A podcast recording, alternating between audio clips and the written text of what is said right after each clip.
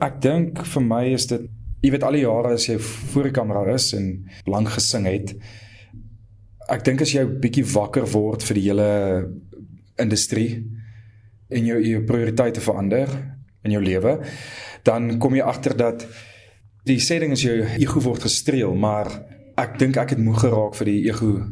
Jy weet iemand mense wat my ego moet streel. So dis hoekom ek nou sê, jy weet ek het baie lank klasse onderhoud gedoen. Dit nie omdat ek nee sê vir die onderhoud dit nie. Dis net ek dink my energie is nie meer daar nie. My energie is meer met wat's belangrik in die lewe en ek verstaan die werk wat ek by binnelanders doen en die ander tipe werk wat ek vir spesifiek binnelanders ek verstaan die medium, ek weet wat die medium vereis voor die kameras maar jy kan nog hulle duiwel raak as hy jou ego streel en jy weet ek dink hoekom hierdie program ook belangrik is is dat die bekendheid is saam met die finansies stem nie altyd ooreen nie want die bekendheid is meer belangrik as die finansies en jy gaan jou toon staan baie later in jou lewe as jy nie bewus is van waar jy jou kaart swipe nie en hoekom jy jou kaart swipe nie hou ek van die beroemdheid en vergeet van die geld. En so kan jy hoor dat ons gas op vandag se kuns met kontant, Reinhard Digo, net mens is, want hy was ook onlangs die aanbieder van die baie gewilde reeks op televisie Net Mens. En ek dink ons kuier vandag by die regte persoon om regtig tot die besef te kom dat mense wat in sepie speel op tydskrifte se voorblaaie verskyn in groepe sing net mens is En ek en kom met te sê hierdie week met kuns met kontant die voorreg om namens die Spitstyd span hier op die binnelander stel te kom kuier by Reinhard Digo, ook bekend aan kykers as Dr Tersius Jonker. Reinhard, baie dankie dat ek by jou mag kuier. baie dankie, baie dankie. Ja, dankie dat jy uh, hier kom draai. Ons het van die mikrofoon af toe ons aan die rekord net toe sê ek vir jou hoe amazing hierdie plek is, jy weet hierdie ateljee hier in Randburg. En ek dink daar's mense wat dit al op televisie gesien het, maar daar's mense wat nog steeds nie weet nie hoe lyk die ateljee waar ons verfilm nie. Elke liewe keer as ek hier inry, ek is nou al offisieel 15 jaar deel van die binnelanders familie. Deel van die hartklop hierso en nog elke liewe keer as ek hier by die ateljee inry in Randburg, is dit 'n wow. Dit is absolute wow. Die gebou is nie meer vir my 'n uh, baken van bekendheid nie. Dis vir my 'n baken van drome en groei en kom ons noem dit die rugby span dat ek 'n 'n goeie spanlid is vir die sukses van binnelanders en sy vervaardigers. Maar saam met dit, saam met die gebou moet jy die jy moet die ingewande ken sodat jy weet hoe werk die besigheid hier. Um en dat dit nie net noodwendig gaan oor dit wat uh, uitgaan elke aand tussen 08:30 en 8:00 nie. En dis waar ek is in my lewe ook. Een van die heel eerste mense wat ek ontmoet het in 2008 toe ek by Binnelanders toe ek hier ingestap het, toe ons ateljee nog by die ou SAIK was in die middestad. En die eerste persoon wat ek ontmoet het was Hans Strydom. En ek het gesê, "Hallo Hans, ek's Reinhard." En hy het gesê, hy het my so gekyk en gesê, "Ja." Ek sê toe, "Ek's Reinhard." En hy sê, "Het jy 'n retirement annuity?" Uh, nee, ons ek het nog nie 'n aftree aan die tyd nie. Wat is dit? Wat presies is dit? En dis waar ek my eerste was was my eerste bekendmaking met 'n aftree aan die tyd of 'n aftreepolis, 'n RA. Ja, soos wat die jare aangegaan het, het ek nou maar, jy weet, hier en daar wanneer ek in sy geselskap was of wanneer ek en hy 'n uh, gesprek gevoer het, het hy kort kort vra hoe gaan dit met jou? Hoe gaan dit met jou aftreepolis? Toe die tax-free savings account oopgemaak het, het hy my gevra het jy 'n tax-free savings account want jy weet jy kan dit afskryf van tax, jy moet dan op 5% daarvan, jy weet, give or take nou ek is nie seker wat die persentasie ek dink dit is nog dit. Maar ek vind dit tog ironies dat Hans Strydom die eerste persoon is wat op die stel van binnelanders na jou toe kom en jou uitvra oor hierdie goed want Hans Strydom was ons eerste gas op kuns met kontant in 2021. Wow. Ja. En hy het juis oor al hierdie goed gesels daar in sy aflewering van kuns met kontant. Ja.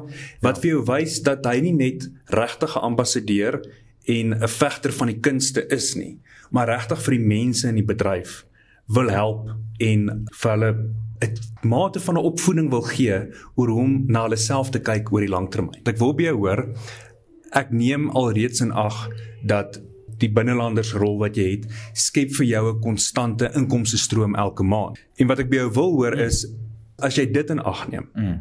sou jy dan sê in jou geval is die sepiebedryf en jou danigheid as 'n akteur vir jou meer lonend as om 'n sanger te wees. As jy vir my die sangbedryf moet vergelyk met die akteursbedryf.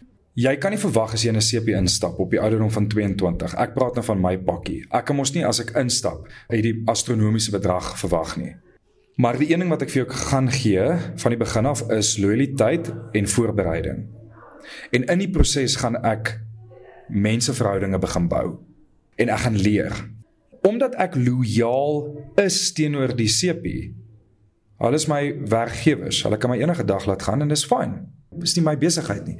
Maar omdat ek lojaal is vir die laaste 15 jaar, beteken dit my inkomste het gegroei soos wat ek beter werk begin doen het in die medium verstaan het en soos ek sê lojaal was op tyd is my salaris het gegroei hoe langer ek hier was en my vervaardigers het my met meer stories begin vertrou want dit beteken as ek my werk ken en die ander akteur ken sy werk beteken dit ons gaan vinniger werk beteken dat die CP gaan die geld verloor nie. So jy werk nie net pas. Dit is 'n beginsel. Dit is 'n beginsel van enige besigheid voorbereiding.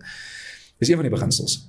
My salaris het eksponensieel gegroei en ek het my uitgawes aangepas volgens dit. Musiek, hoe meer bekend jy is, hoe meer shows gaan jy maak. Dit is so. Ja. Jy is 'n nuwe flavour op die mark. Die girls like jou. Jy raak meer bekend, mense boek jou meer. As jou musiek nog praat met die hart, lekker, jy gaan geboek word, verstaan? Jy gaan hard werk en ons het hard gewerk met Adam. Ons het baie hard gewerk. Maar 'n ou wat independent is, wat onafhanklik is, wat nie deel is van 'n rekordlabel nie, gaan uit ander challenges. Maar ek sê nie 'n ou wat nie so bekend is gaan nie geld maak nie. In die musiekwêreld het hang van 'n klomp goed af. Ek dink hoe meer bekend jy is, hoe meer gaan mense jou boek. Ek bly in dieselfde huis vir die laaste 13 jaar. Onthou ek is al 15 jaar deel van die industrie van 2008 af. Ek bly al vir 13 jaar in my huis. Ons het ons huis opgegradeer nou eers die laaste 3 jaar. As jy na my huis toe gaan, dit is nie estate living nie. Ek soek niks meer as dit nie. Ons is letterlik nou soos wat ek hier praat met hierdie onderhoud, ons is besig om ons mure te verhoog van die body corporate het gesê ons mag ons mure verhoog want die mure was 'n bietjie laag geweest. Dis die eerste keer in 13 jaar wat ek dit doen. Mm. Dit maak my happy. Die feit dat ek in my loft vir my nuwe speakers kan koop, dit maak my happy dat ek dalk miskien my laptop kan opgradeer. Dit maak my happy. Ons kuier op die binnelander stel en jo. dit is die binnelander stel wat so raas met al die akteurs wat ons gaan op 'n produksie breek. So hulle almal moet nou net skoot. wat ek net probeer sê is is dat ek is gelukkig, ek en my vrou en ons seentjie. Ek het Adam verlaat einde 2019. Ja, want ek dink my hart het vir my gesê ek soek nou iets nuuts. En toe kom COVID. So onthou nou nou het ek 'n Adam salaris verloor, nê? Nee? Ja. Nou as ek net op 'n binnelande salaris. So nou kom dit met ander challenges. Maar my karre was afbetaal. My debits is van so aard en is nog steeds dat ek het nie uitspattige debits nie. My foonrekening, ek moet baie bel, so ek het gesê laat ek 'n unlimited calls hê. My medies is wat my medies is. Jy gaan hersien dit elke jaar. Jy kyk waar jy bietjie kan spaar hier en daar, maar ek is bipolêr en jy weet ek het ADHD. Dis my diagnose. Maar dis 'n gesprek vir 'n ander dag. Daar's 'n sekere paaiement wat ek daar moet betaal vir my medikasie. Ons het City of Joburg wat ek moet betaal, water en rekeninge. Ek het my huispaaiement wat ek het. Ons het al die necessities wat ons nodig het om net gecover te word. Glo ek in medies nie? Ek glo nie in medies nie want ek dink medies is 'n baie dom struktuur in ons land. Dit is 'n privilege ding dink ek om medies te hê want dit lyk vir my hoe duurder jou medies is, hoe beter is jou hospitaalbed, maar ek het die begin van die jaar 'n operasie gehad. Ons medies is duur met 'n kind by en ek moet nog steeds inbetaal met 'n gap cover. Verstaan? Ja. So dis duur, dis baie duur. Verstaan? Is nie omdat ek 'n dom besluit gemaak het om 'n sekere medies te kies nie. Dis net dis nou weer tyd om te hersien. So nou moet ons weet, let's go back to the drawing board. Ek dink ook wat goud werd is van wat jy ons nou vertel is, omdat jy hier is en jy elke dag opdaag in hierdie masjien van hierdie ateljee's wat hier is. Dit kom aan hierop wat hulle altyd sê, jy kan nie iets oor die partytjie sê as jy nie op die partytjie is nie. 100%. En jy moet altyd seker jy's hier. Ek raak betrokke waar ek kan en ek sal na mense luister, maar ek vat raad van wie of dit kom. Ek hou daarvan om in die diep kan ingegooi te word want dan beteken dit ek gaan iets hier uit kan leer en ek hou daarvan om uitgedaag te word want ek gaan hier iets hier uit leer. So byvoorbeeld, Ek het nou die tweede seisoen van Net Mens klaar verfilm. Ek is nou in die naproduksie fase. So jy werk met 'n begroting.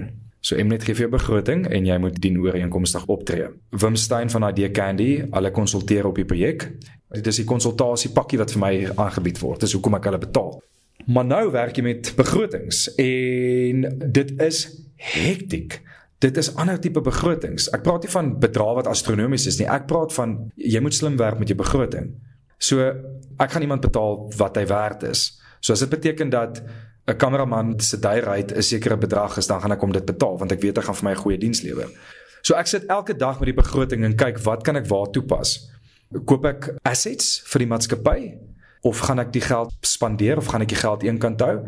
In my geval wat ek vir mense wil sê is is dat die enigste grootste uitgawe wat ek nog het is my huis. So ek probeer my huis so vinnig as moontlik afbetaal. Want die projekte is vir my winsgewend.